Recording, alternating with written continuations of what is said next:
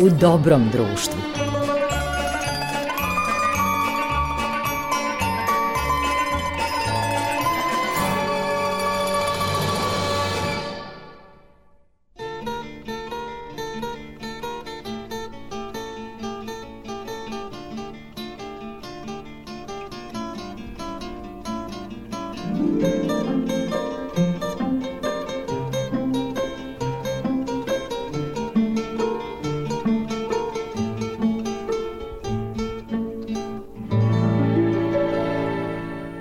Poštovani slušalci, dobrodošli u novo izdanje emisije U dobrom društvu. Marica Jung tonski obličava i ovu emisiju, a Goran Vukčević je kao i obično vaš domaćin. Imamo i sjajnu gošću danas. To je kostimografkinja, magistar Ljiljana Petrović. Redovni je profesor scenskog kostima na Fakultetu primenjenih umetnosti u Beogradu. Takođe, na Fakultetu dramskih umetnosti u Beogradu predaje kostim u audiovizualnom delu na oceku vizualni efekti, animacija i gaming predmet kostimografiju na master pozorišnom oceku. Dakle, teško je pobrojati sve šta je radila ova izuzetna umetnica, samo da kažem da su u pitanju značajni filmovi, značajne pozorišne predstave i mnoge reklame. Saznaćete, verujem, mnogo više o scenskom kostimu u razgovoru sa Ljiljanom Petrović. Verujem da će vam biti zanimljivo onoliko koliko je bilo meni kada smo ovaj razgovor zabeležili. Dakle, uživajte u razgovoru sa kostimografkinjom Ljiljanom Petrović.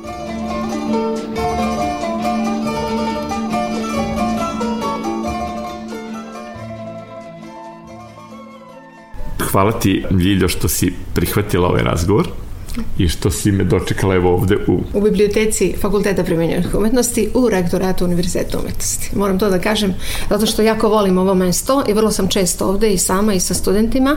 Imamo divne bibliotekarke, imamo jako dobar fond knjiga i ja ovaj, nekako jako volim i od prvog dana studija sam nekako vezana za biblioteku i stalno dolazim i uzimam knjige redovno vrlo inspirativno i ovo je u divnom kraju, ovo je Kosančiće venac, Kaldrma, ovo je mnogo staro mesto i ima neverovatnu energiju prošlosti. Pa, jeste, mnogi dolaze u stvari da sede u kafićima ispred i zbog pogleda. Ja dođem u biblioteku, isto tako imam dobar pogled. Jeste I još knjige. na Savu. Na da, i na muzej savremene umetnosti da. i na Ušće.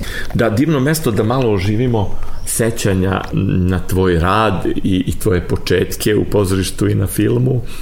I kao da kažem, već ti imaš jedan zavidan opus u svojoj biografiji i filmova i predstava i zaista e, u svakom detalju se vidi tvoja ogromna posvećenost umetnosti i tvoja ogromna posvećenost e, i umetnosti i jednom vrlo napornom zanatu kao što je rad na kostimima za predstave i filmove.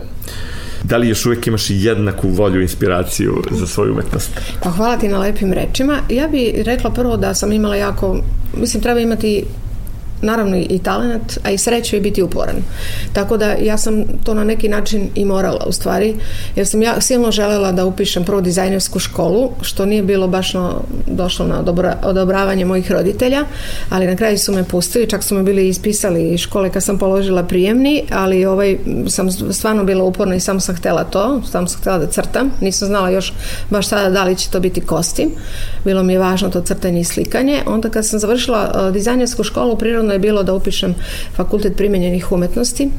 Ja sam se odlučila odmah za kostim jer me to i zanimalo, a kasnije na toj nekoj trećoj godini smo se opredeljivali da li moda ili scenski kostim, mene uvek zanimao više film i pozorište, već ne mogu da kažem toliko zato što recimo potičem iz malog grada u Požegi gde ne postoji pozorište.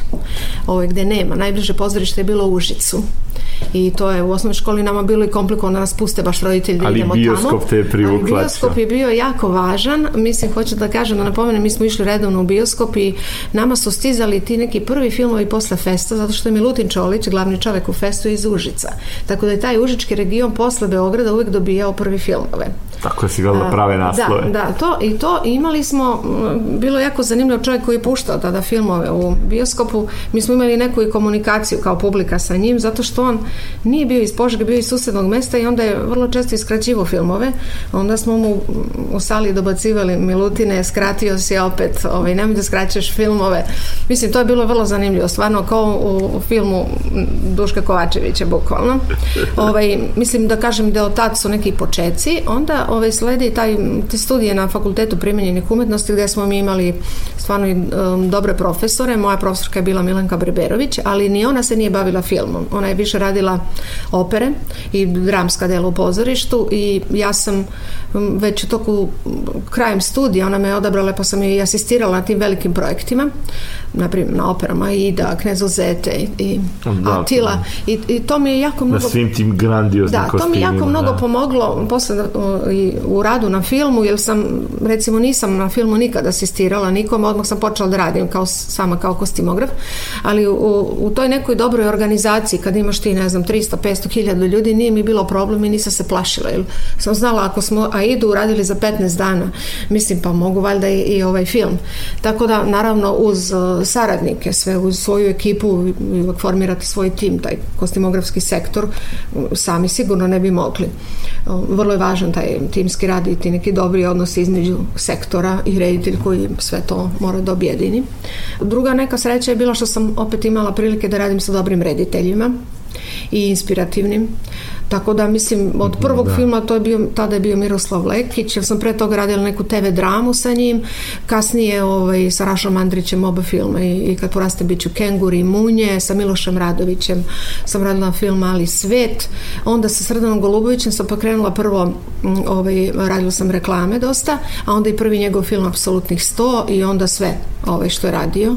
Da, I ovaj i Goran Marković. I Goran Marković, sa njim sam radila takođe prvo reklamu za mislim da je bila Grand Kafa sa Milanom Dravić i I, I da, ne, ne, bila je u stvari, da. pardon, uh, Mira Stupica i Bata Živojinović. Sa Milošem Radovićem sam isto prvo radila reklamu.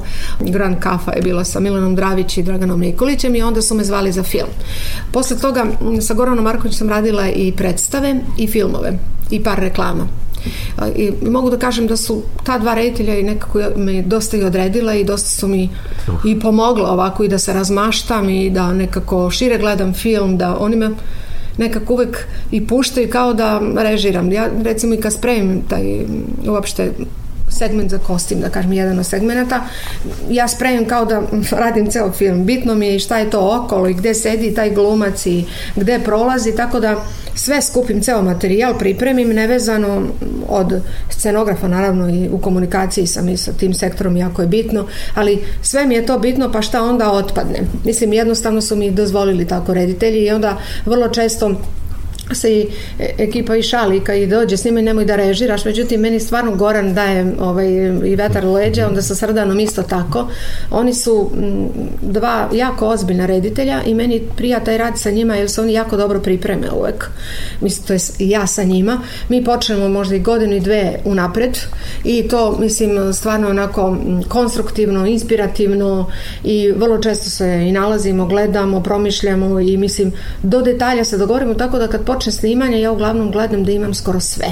Mislim, to jeste izginuće zato što je nemoguće nekad vi snimate na nekim drugim lokacijama, dobijate neke nove ljude i ne možete uvek da predvidite sve, ali ja u, u principu gledam da sam 90% spremim sve. Pre nego što krene. Sve, apsolutno i da imam i taj višak i za te neke koje se pojave nove uloge u negde na drugom terenu i ovaj, da ne bi trčala sa snimanje, jer nekako volim da ispratim sve. Meni jako bitno da, to da snimanje. Da budeš na setu, to I ja sam ovaj, na svim filmovima uvek bila na snimanju.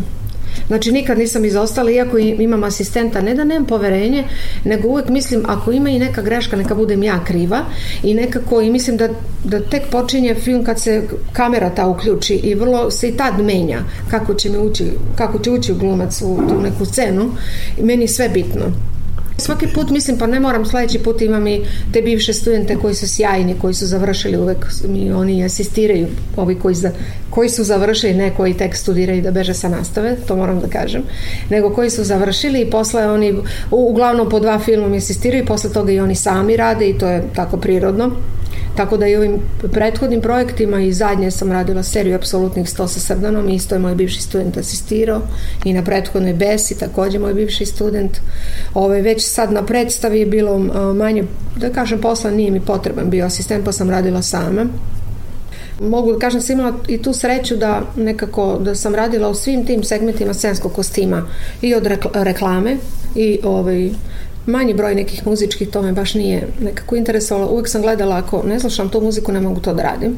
I onda, tako da sam samo radila ono što mi se sviđa. Tu znam novokomponovni folk to nikad, ali deo neki ovako, možda neki pop to nešto. I ovaj, više su bile reklame ovako za neke proizvode i ovaj, kalendare, daj promo neki materijal i predstave naravno, paralelno.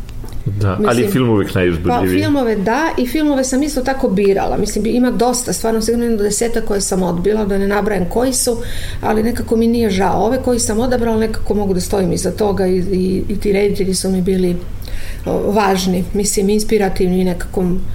Bilo mi je bitno da svaki put mogu drugačije nešto da uradim u filmu, a mislim da sam to mogla sa ovim rediteljima sa kojima sam radila.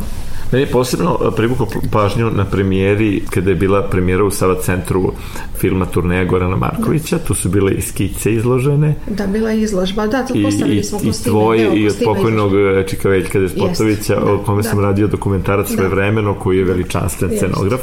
I naravno, uvek je bliska saradnja i tebe i scenografa i da. direktora fotografije, a drago mi je da si ove reditelje, da si ovo podvukla vezano za reditelje, jer ja isto mislim da je najbolje kada se sve unapred pripremi, a onda pustiš na na snimanju svakoga da radi da. svoj posao. Da. Manje opterećuješ saradnike nekim pritiskom koji nije neophodan to su i reditelji koji ne rade svake godine. Oni se zato i ne rade, se dobro pripreme i treba stvarno i ta sredstva sakupiti što je vrlo teško. I mislim, da, tu odeš više energije. Uglavnom, mislim, i sa Srdanom i uvek isti tim, da kažem, taj autorski, isti snimatelj scenograf i ja kao kostimograf i nema on problem sa nama, ali svejedno opet ta finansijska sredstva i da to sve sakupimo, da se objedini, da sve funkcioniše, da nemamo problema, to traje.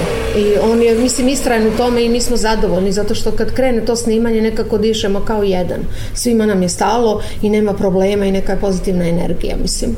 Sjajno. Mislim, sa Goranom jako duhovito i on je, mislim, iako je stariji, on je dosta, moram da kažem, otkačeniji i tako, lucidan je i, i mislim, meni vrlo zanimljiv, stvarno. Mislim, Jeste da, i njegove knjige su mi vrlo da, inspirativne. Da, on je, tako da on je vrlo vredan čovek, od njega stvarno može mnogo da se nauči, on stvarno nikad ne miruje. Ako ne snima film, možda radi predstavu, ako ne snima predstavu, on će pisati knjigu. On, on, on je zvar, zaista jedan od najvrednijih naših reći. Onako vulkan kreativnosti. Da, da. Napravit ćemo muzičku pauzu. Imaš možda neku želju, nešto filmski, nešto što posebno voliš od muzike? Pa ja recimo u zadnje vreme dosta uh, slušam, volim da slušam i tu neku i ambientalnu muziku, ali volim i kao i Filip Glass, mi je isto, isto omiljeni, on je radio dosta i za predstave i sa ovim Bobom Wilsonom. Uh, volim i da Brian Eno, recimo, slušam i to, Mesiva Tek, recimo.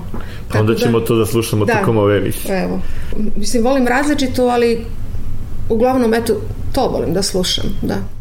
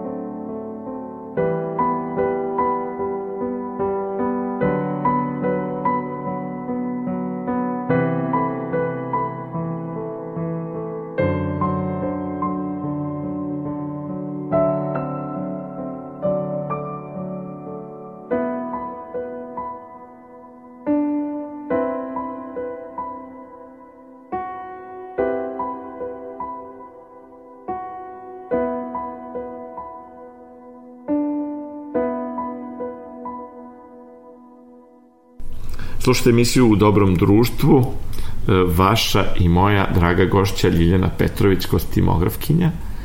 Ljido, da se vratim samo na, na sam tvoj početak na filmu. Prvi veliki film, kao što si pomenula, koji si radila je bio Nož Miroslava Lekića.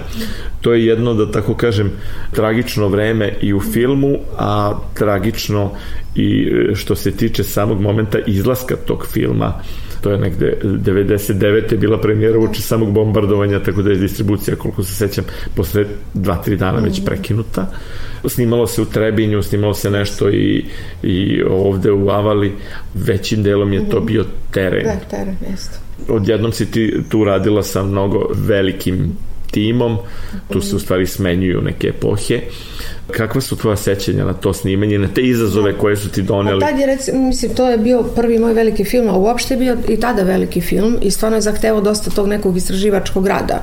I vezano za uniforme, znači za drugi svetski rat i vezano za taj etno neki kostim. Za Hercegovačku kuću. Za Hercegovačku kuću, tako da sam ja, ja sam tad recimo prvo gde sam otišla je naravno bio etnografski muzej i imala sam i konsultantkinju Vilmu Niškanović koja se inače baš bavila tom um, nošnjom iz Hercegovine. Ona mi je dosta pomogla da te neke artefakte, da mi to bude neko polazište gde sam naravno da ne bude vez pogrešan, da, da to, pogrešan, naravno i da, da ne izgleda baš kao kulturno-umetničko društvo, to uvek malo morate da pomerite da bude životno. Uvek tako. je osetljivo to Jeste. kad vam da donesu iz kuda. Život. Tako da sam to, ja sam to sve, naravno sve pravljeno i rađeno i taj vez i dosta je bilo farbanja, patiniranja, da to stvarno izgleda kao životno. Nije ni jedan taj da. seljak ne nosi baš samo kao nošnju, nego je to kombinuje sa nečim što je napravio, našao ili nasledio, tako da bilo je baš puno posla, ali nekako bio i taj budžet u redu, koliko se sećam da sam mogla sve da, da to uradim.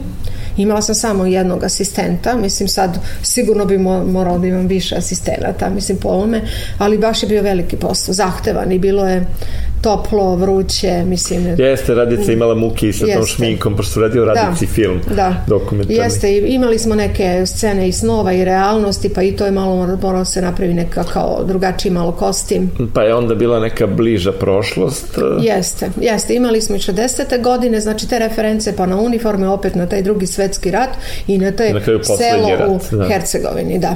Tako da, dosta nekih segmenta koje opet mora da ima neko stilsko jedinstvo i što se tiče boja. Meni je bila važna ta isto neka struktura materijala, faktura i da se videte naznake epohe, a uvek pomerite malo, naravno. Eto sa Srdanom, ono prvo što si radila je... Prva je bio film Apsolutnih sto. Apsolutnih sto koji je doživao veliki uspeh jeste, i, jeste. međunarodni ja uspeh. Sam nagradu izdobila isto za taj film. Ja sam bio prisutan na premijeri u Solunu na festivalu mm -hmm. kada je nagrađen Vuk Kostić za glavnu ulogu. Da, da. To je bio diplomski rad, inače Srdanov.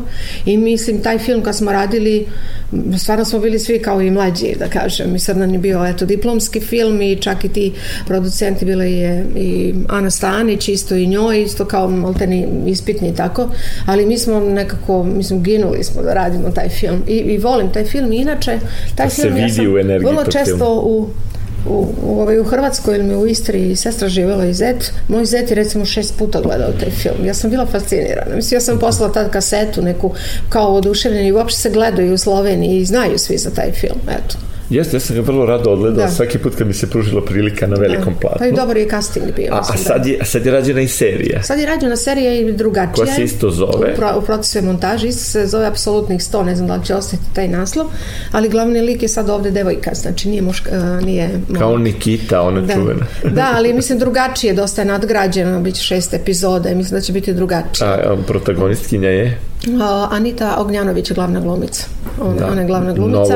Čak od tih uh, prethodnih imamo samo Vuka Kostića u jednoj manjoj ulozi ministra. A to više kao omaš. da, ali od ovih drugih ovaj, nema ovaj, drugih glumaca koji se pojavljuju koji su sada i u koje, seriji. Da, Prosto da. serija samo nosi taj da, da, naslov. I, Jeste, ima veze sa tim sportom, streljaštvom i to, ali mislim drugačije malo. Mislim da će biti interesantno, jedino isti lokacije su te slične Novi Beograd, je isto kao i ranije. Da, ta ikonografija. Da, da, duše, da. Novi Beograd koji je poprilično i taj deo gde smo mi ranije snimali, poprilično su i propale te zgrade i okruženje, ali to je to realnost neka. Da, i to onda, a to može dobro da izgleda. Da, da, naravno, za film je dobro, za film je dobro, za seriju. Ljudi koji nisu iz e, struke, koji nisu iz posla, oni e, ne znaju koliko je složeno uraditi savremen kostim, pa čak i kad ima malo glumaca, da. malo da. promena kostima, opet uh, kostim mora da radi za glumca, mora da radi za karakter, za lik, uh, mora da se uklopi u likovnost filma, u atmosferu, da nigde ne štrči, da nigde se da. ne vidi da je to kostim. Da. Kao što ono kažu najbolja muzika koja se mnogo ne zapaža. Yes. Da. Ja recimo lakše je raditi epohu neko, ili vi krenete od epohe pa onda radite stilizaciju i pomerite. A kad je nešto kao sadašnje vreme kome živimo, ja se uvek trudim da recimo da nađem taj neki kostim. Recimo imala sam sreće za film Otac, prvo ću reći mi smo... Da, tu i glumac dominira uh, jedan. Da, da, jedan glumac dominira i bila je bitna jako ta jakna koju sam recimo tražila dve godine. I na primjer imala sam neki 15-10 jakni i onda smo izabrali ovu koju je nosi. Onda je Goran Bogdan sve probao. U stvari, da? bila je prvo jedna jakna koja je, pošto je trebao da igra glavnu ulogu Glogovac i nažalost on se razboleo i onda stvarno je bilo neumesno da mi odmah bi počnemo i u tom kostimu, ali recimo igra taj džemper koji je on odabrao.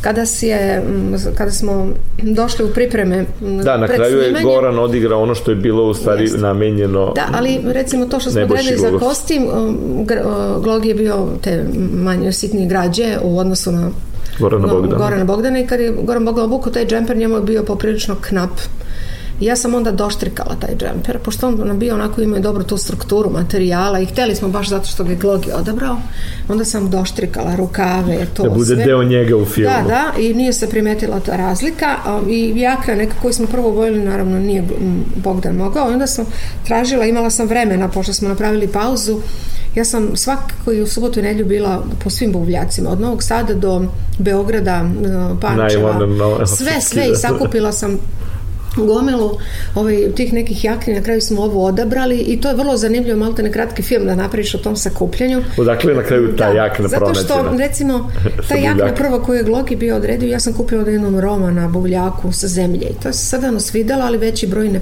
nije postoje jednostavno. Onda sam našla firmu koja je to proizvela, onda se javio čovek iz Amerike, to je neka firma u Americi, oni su se šokirali, pa kako gde ste ovo našli, to je kolekcija neka od pre 15 godina, ali kao pogledat ćemo u Švedskoj i u Kini. Međutim, međutim ni tad nije, ni tamo nije bilo te jakne, onda sam ja poslala svim prijateljima po Hrvatskoj Makedoniji, ako neko vidi negde to, da ako ima veći Da baš tako da, mi, nismo našli, ali smo javljali se neki drugi ljudi i ovaj, koji su mi slali i pošto mi je bila bitna ta veličina, nikako ne možete da vidite ovako uživo kad se to samo slika, nekad se i ulepša, onda su mi slali ljudi obučeni, na primjer žena na svom mužu, na svom sinu, u različitim tim nekim m, okruženjima. Ova jakna je, na primjer, na njemu je stigla iz nek, od, iz Kruševca od čoveka koji je bankrotirao maltene sa nekim second handovima i sad to ima gomilu te odeće kod kući u hangaru i onda je on meni slikao tamo šta ima i slao, na primjer. I to je ta jakna odatle s tim što sam je još naravno patinirala dosta, a bila je zahvalna ima tu kombinaciju kože i platne i moglo je stvarno da se da bude tako iznošena, ali eto, bilo je stvarno svašta. To, da, to, to malo ko može da, da. pretpostavi da. koliko energije i truda jako, i, jako i vremena. Jako, onda vi dođete i u neke privatne kuće, i neke privatne, da kažeš, second handove, recimo, bila sam u železniku, gde je kuća prvi, drugi, treći sprat do plafona sve s garderobom. Vi kad uđete, to je tona, to kopaš po ceo dan tome. Vrlo zamorno. Ja sam onda jednom kao, ja, možda je ova kuća nedovršena, možda mi zmija, ali ja kao, tad i ne misliš, mislim, samo ovaj tražiš to. Tako da, recimo, eto, ta, za apsolutnih stog mi je bila isto kombinacija to urbano-beogradski, da bude, a opet i da je, mislim, nisu deo, o, znači, tih uloga nije baš dobro stojeći, a deo je i jeste, recimo, tako da da, da, ovaj, potpuno moraš da se ubaciš, bio da toliki, proučiš svakog lika. Da, da ja mogu baš da nabavljam najbolje brendove.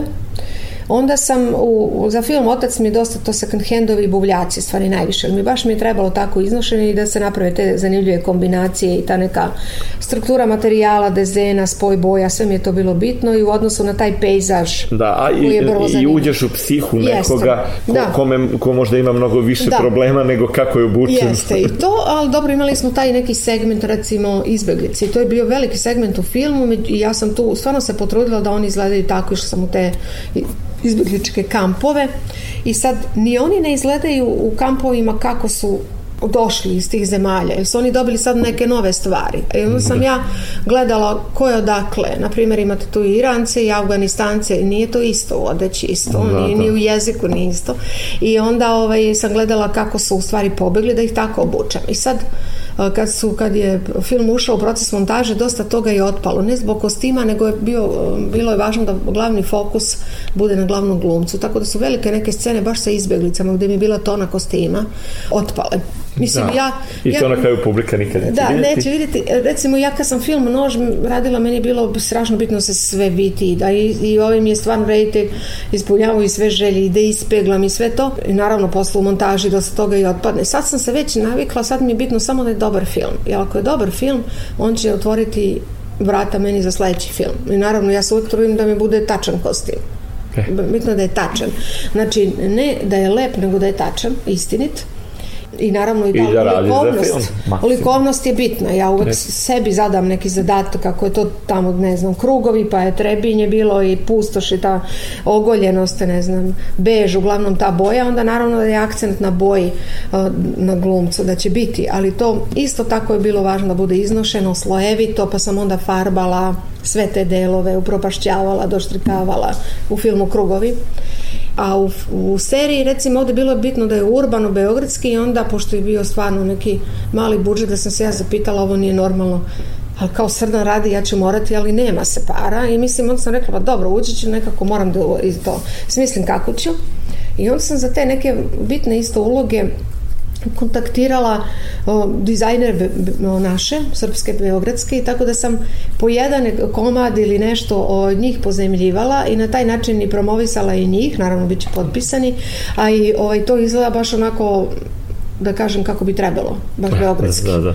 Sjajno onda ovaj, je to ispalo dobro. Mislim, ja sad nisam videla u procesu montaže, ali Srdan je zadovoljan, to mi najbitnije, mislim. Da, Tako da. da, mislim da, da će biti, da za mene to bio dobar onako posao i gledam uvek da mi ne sedi recimo i kad gleda da li za, tele, za televizorom ili u sali da publika ne bude obučena tako isto da to ne bude kaže ovo kolekcija iz Zara i Springfielda da se svi oblače. Da, da. ja nekako uvek to prefarbavam poništim dosta, doštrikam, dofarbam iskombinujem s drugim da, da. to izgleda kao da je odavde a da opet nema svako. Da, sjajno sjajno. Jer će taj film da se gleda Najgore je kad gledate neki film kroz 10 godina vidite ja šta sam uradio kako. Ja nekako, a ja opet gledam samo premijere. Ja nijedan film koji sam radila nisam, iako su bili dosta na televiziji, nijedan više nisam ako ne mogu da gledam da li bi nešto drugačije. Mada mogu slobodno da kažem sa tim srdanim filmom ne bi ništa drugačije. Sve bi tako ostavila. Pa dobro da. i sa Goranom falsifikatora i turneje mogu da kažem da mislim da je to ok kostimi, da.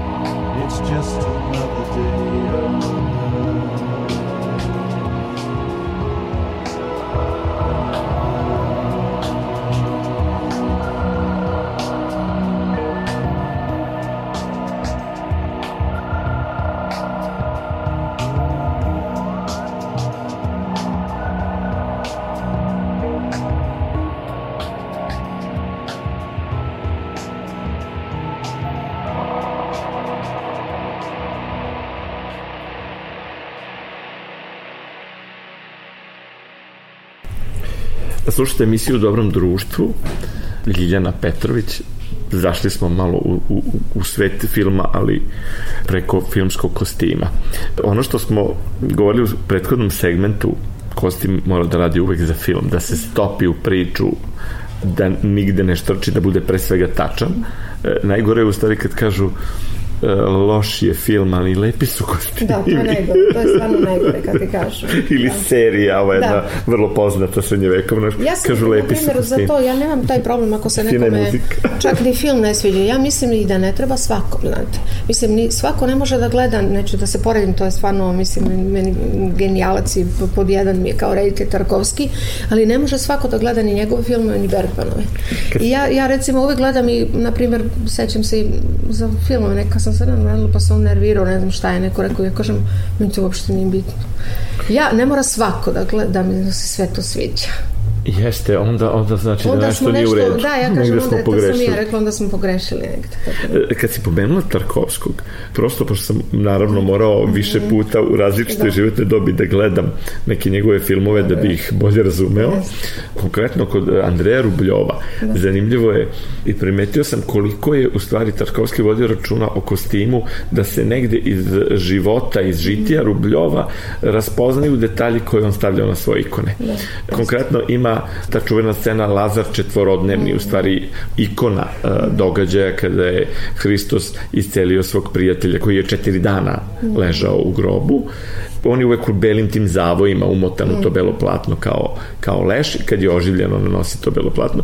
Ima jedna žena koja se pojavi u trenutku koja je obučena slično Lazaru, slično vaskrsenju Lazaru. I neke, i, i neke scene u tim segmentima u kostimima prosto su inspirisane onim što je on znači zapažao, beležio, prolazio i mhm. posle ostavio na svojim ikonama. Pa mislim, kod njega to nije slučajno, kao i kod nekih reditelja kao na primjer uh, Zvjagincev ili o, potpuno drugačiji ovaj, što je radio Prosperovu knjigu sad rediteljem ne, ne, ne mogu ni ja da Znači, to su citati, citati, znači ti, ti religiozni, ali imate citate i na um, slikarstvu. Kod, na primjer, Ubljova Brojger, je li tako? tako A, u nostalgiji imate Leonardo dosta.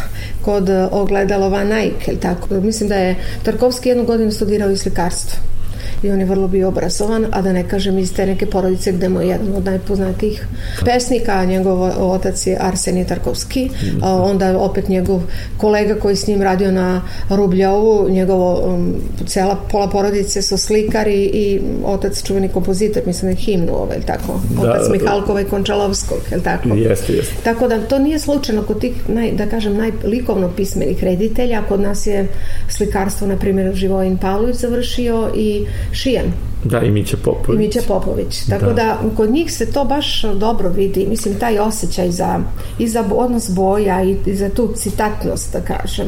Ili kod Zvjaginceva gde imate dosta povratak Avramovog sina, ne znam, u filmu Povratak, pa simbolika pero, ovo to. Mislim, ja volim ta neka značenja, nekako to nervira kao šta ima da otkrijem tu simbol. A meni je to, ja, ne, na primjer, mislim da svaki taj likovni umetnik koji je malo pismen, da to mora da prepozna te neke simbolike. To ide dobro ukomponovano uz taj film, uz temu filma, uz priču, uz scenariju. Tarkovski. Ja volim njegove film, meni su čista poezija. Da, ne, Sve što gledam iznova, svaki put kad gledam, likovnost, da. dosta ima tih nivoa neki, vi kad pogledate da li je muzika, da li je slika, zvukovi, ti, taj pejzaž, vetar, meni mislim kao on mi je reditelj pod broj jedan, naravno Bergman i Kurosawa, svi ti u stvari oni su, čak i Tarkovski njemu isto omiljeni bio i ja mislim i, i Kurosawa i Jeste, bili su svi negde da, povezani. Da, ta neka, misli, i meni se sviđa recimo ta neka linija, gde su stvarno dosta se vidi ta njihova, njihova pismenost likovna. Valjda mi to prevuče isto. Ljiljana Petrović, gošća emisije u Dobrom društvu, kostimografkinja, i e, pričamo ovako o svetu kostima, mislim da ćemo uputiti i one kojima to nije e, blisko, ali e, koliko vole film, zapazili su gde je odrađen majstorski posao. Da li si upoznala nekoga od slavnih koleginica, ili ja mislim da je to mi nismo, mi nismo kinematografija koja mo, može mnogo da bude viđena u svetu, pa samim tim i svi umetnici koji rade na filmu manje imaju šanse da dobiju velika priznanja. Prosto nekim ljudima se posvećalo u odnosu to gde su se rodili, ne samo, da. nije nikad dovoljan samo, samo talent. Da li si upoznala neke slavne koleginice? Ja sam no, više puta bila u Americi i mislim i, i imala sam stipendiju i Nemačku, tako da ovaj, sam bila na njihovim fakultetima i predajem ovde na fakultetu primjenjenih umetnosti scenski kostim. I imala sam prilike da upoznam isto kostimografe koji rade na filmu, i za Disney, i za, ne znam, Supermana i tako. Onda recimo u Americi konkretno i, i u, u Berlinu. Imala sam šanse da radim ovde i te neke strane produkcije, ali nešto me nije mnogo zanimalo. Uvijek sam htela da budem taj glavni kostimograf, a ne to sada delim i da budem neka ispomoć. To me nije zanimalo konkretno ovde, recimo, da radim kad dolaze te strane produkcije. Da. I onda a, opet imala sam posla da radim u našim team up, da kažem, produkcijama, sa dobrim rediteljima i to me ispunjavalo. Paralelno s tim sam uvek kombinovao da radim nešto, da kažem, za svoju dušu, a to su izložbi neki projekti sa kolegama koji meni odgovaraju snimateljima konkretno i onda sam imala tako knap sve to. Kažem, upoznala sam u Americi, bila sam gostići profesor na Bostonu, u Bostonu na fakultetu, onda u Bloomingtonu, u Indijani, u Connecticutu i ti profesori koji tamo predaju, oni rade isto i na filmu i radili su i, i pozorišne predstave. Tako da Nema tu mnogo velike razlike, jedino što u Americi recimo taj sam kostimografski rad možda imate više i pomoćnika i sve to, ali isti proces rada da vi morate da imate taj istraživački rad, da imate sastanke sa tim sektorima, scenograf, kostimograf, snimatelj i da mislim budete na snimanju naravno ili neko prepusti i asistentu. U novije vreme sad mnogi kostimografi čak imaju svoje crtače. Oni daju nalog i onda im oni iscrtaju te skice. Ja sam uvek volila da i crtam i dalje svoje skice. Meni je u stvari najbolji taj deo, to samo ta priprema, kad si sam sa sobom, što kaže Tarkovski, kad dođeš do ušivanja dugmića, onda je sve gotovo, nego ta magija, nekada vi ste to pakujete posle i da, naravno, posle na snimanju mora da bude najpribližnije tome ili još bolje. A, a opet je dio nositi kad sve da, to živi u sceni. Da, da. Jednostavno, taj istraživački rad je zanimljiv zato što je svaki put uh, nešto različito. Nema neke razlike, jedino što su tamo meni su više odgovarali tematski ovi filmovi koje sam radila ovde s rediteljima, mnogo da, da radim neku hollywoodsku prvu. Sad su i ovde kod nas, da kažem, dosta rade se tek neke krimi serije. Tu radila sam Besu 2 i bilo mi je dovoljno to. I polu krimi i ovaj, recimo, apsolutnih 100 ali nemam neku želju da radim neke ovaj, serije sa stotine nastavaka. Više volim film, recimo. Sa, mnogo se zove. Da, ne bi volila da me neko zarobi tako. Mislim da je film mnogo bolji. Jeste, jeste. I da se bolje spremi film. I ostaje serije. nekako za sva vremena. Da, da. Serije nekako u modi su, Instant pa su manje su postali, u modi. I to sve pa... uvek liči na te američke ili nešto slično. I, ili se malo na silu pravi nova sezona, da. pa malo da. postaje da. već napravljeno. I čak mi smeta to što su isti glumci su se pojavili opet za film, nekako bude ta neka odabrana ekipa i da to da. malo malo drugačije. Tako da nešto da, ne, ne želim, imala sam, imam dosta nagrada i ovde, mislim i za filmove i za predstave i te nagrade udruženja u Lupuca, tako s te strane i nagradu un, univerziteta umetnosti kao da taj neki doprinos na fakultetu. Radila si i u da. regionu, da. radila si da, da. kažemo da, da ovo, ovo što si radila vezano za Kotor, to bih volao da, da. ne propustimo da kažem. Pa ja sam i predstave sam radila i u Crnoj Gori i u Makedoniji davno, u Skoplju, u, u ovaj, Narodnom pozorištu, u ovom dramskom teatru isto u Skoplju, u Makedonskom narodnom pozorištu u Kumanovu, u Crnoj Gori u Nikšiću, sam radila, trebalo je da radim u Podgorici, ali mi se nešto poklopilo, pa nisam, u, u, u Subotici, već da ne pričam. Znači, uglavnom predstave, a opet s da, filmom smo... samo u Beogradu. Filmovi smo snimali na različitim tim terenima. Lokacijama, da. Da, lokacijama.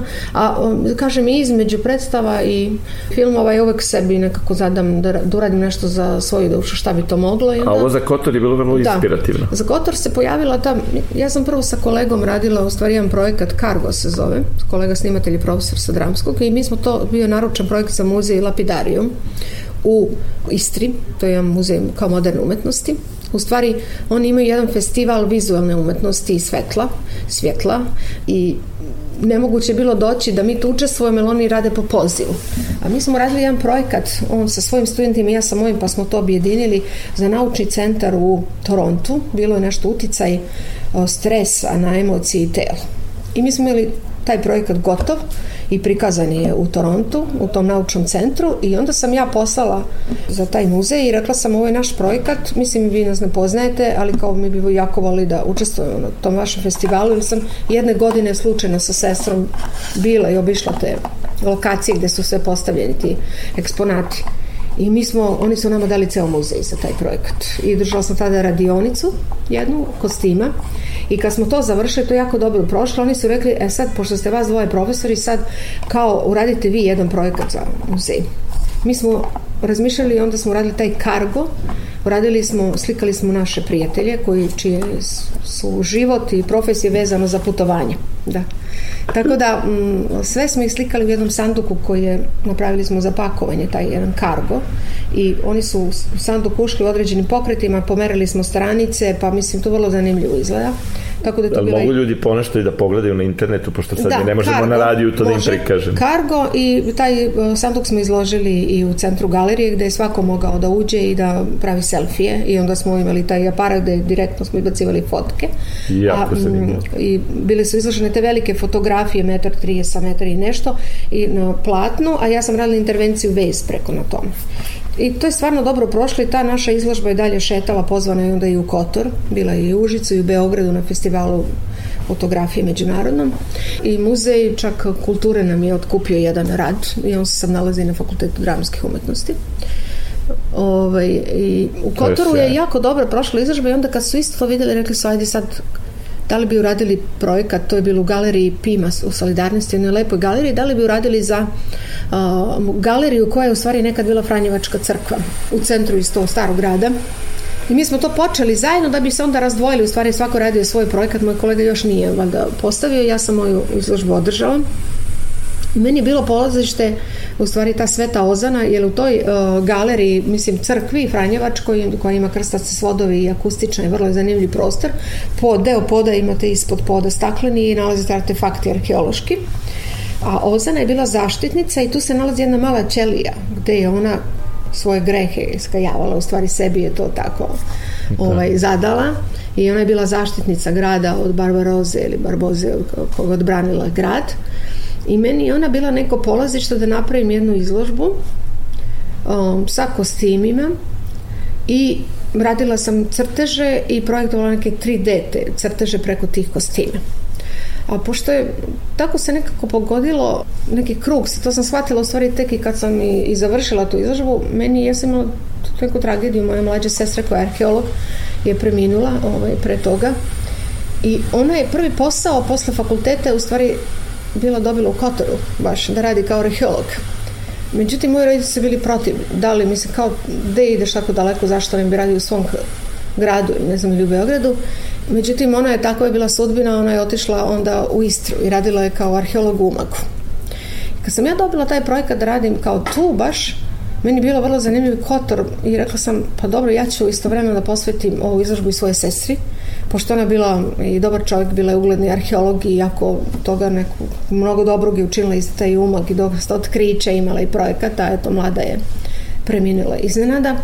I meni nekako se taj krug, nekako sam to zatvorila. Ništa tom, nije slučaj. Izlažemo mi isto sam to rekla, to ništa nije slučajno i Uključila sam u, u projekat i svoju koleginicu Minu Cvetinović Pavko koja je iz Novog Sada i profesorka je sad na novom odseku 3D animacija i vizualne efekte. Na Akademiji umetnosti u Novom Sadu. Da, i onda je ona oživela i te moje crteže koje sam projektovala tu i zvukove smo te napravili i ta stvarno izložba je produžena i bila je baš dobro prihvaćena tamo. Pa pomoglo i Sveta Oza na svojim molitvama. Da, pa ja mislim. Mislim, vrlo je interesantno i uopšte um, ja sam naravno prvo iščitala dosta i zanimalo me sve o Ozanim sve što sam našla dali su mi iz muzeja, pošto je to u organizaciji. Bila Jovana, je Jeste, ona je Jovana, ona je iz pravoslavnog um, porodice, um, sa, iz nekog krša blizu Kotora i ona je, ne znam, Sanja imala neke već to neko priviđenja snove, Priziv, da ona da. treba da ode odatle i igrom slučaja ona je bila je kao sluškinja u jednoj Franjevačkoj porodici, mislim to Franjevačkog sveštenika i onda je kasnije odlučila da se prikloni tom redu i bila je vrlo striktna u tome i ona je sakranjena u Kotoru u toj vrlo nekoj drugoj da. da. u drugoj crkvi ovaj, ne u toj gde smo gde je ta ćelija koja i dan danas postoji ta njena ćelija obeležena da. pa to moram da drugoj. da posetim sad si me zainteresovao i je taj njen eto imam i tu knjižicu mogu da ti kopiram da dobila sam iščitala vrlo zanimljiva ta i priča o njoj postoji i dalje ta neka kuća u tom selu gde je obeleženo to. Je sad i to su sad svojatanja katolici misle da je ona njihova a opet pravoslavci da je ona Jovana i da tu postoji stvarno ko su roditelji dedovi sve da, postoji. Da. eto ali bitno da je bila ta neka žena koja je za opšte dobro Kotora na svih. Kotor je da, multikulturan da. grad tako da je eto važno I mislim, ta izložba mi je važna i trebalo ove godine u Lupuci bio predložio da u muzeju grada postavim, ali ja čekam jesen, zato što hoću nešto još da dopunim, pa ću verovatno na jesen da kad bude išla da. i ova emisija. Da, da će biti sigurno u Beogradu. Eto, pa će moći publika i ovdašnja da je vidi. Prilike smo se, se primakli samom kraju, čućemo još malo muzike i onda da zaključimo.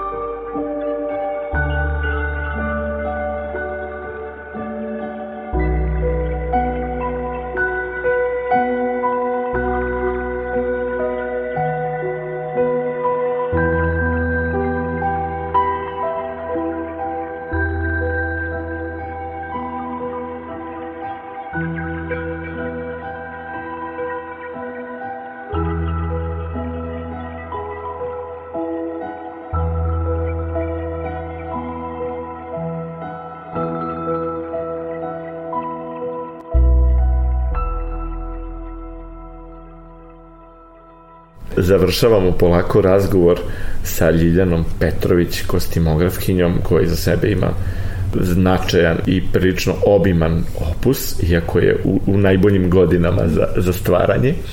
Ja hoću samo, Ljiljo, da te pitam na kraju, šta je ono što te posebno uzbuđuje kad je epoha u pitanju? Šta bi želela od epohe da radiš? Koji je to period?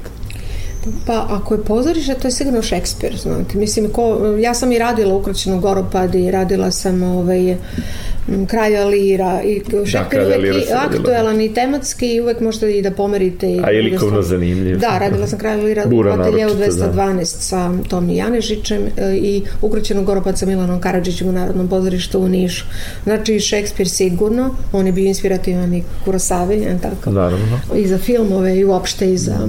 Jeste krvavi prestoran. I za ovaj dalje. film, ovaj, što sam rekla, Prosperova knjiga ovom re, re, engleskom reditelju, uh, Greenaway.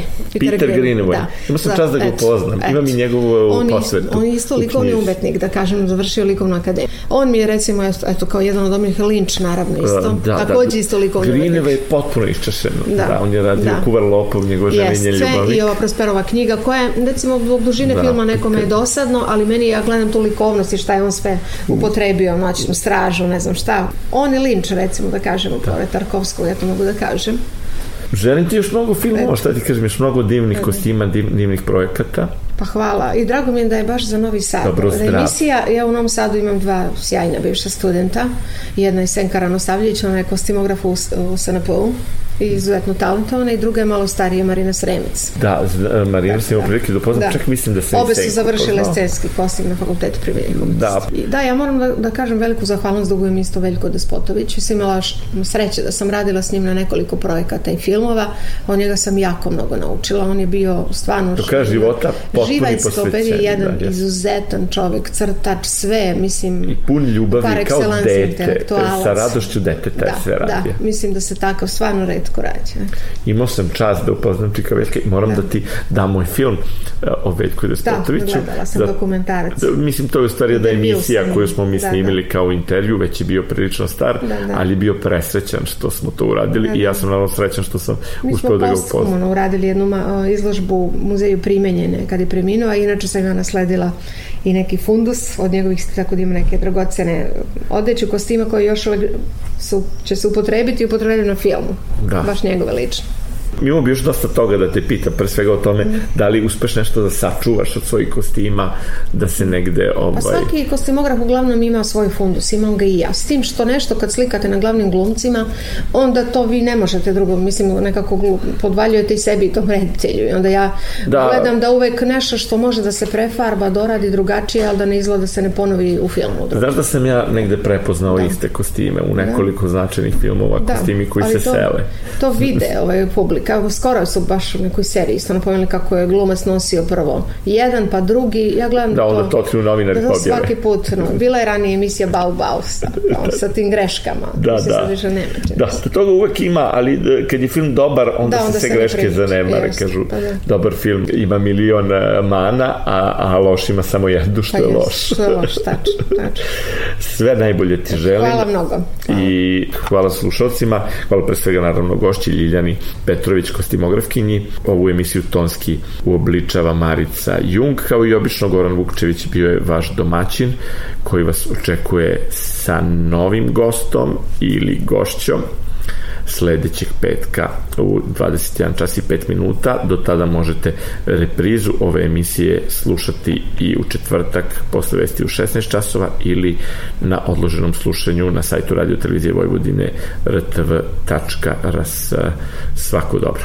Ostanite u dobrom društvu.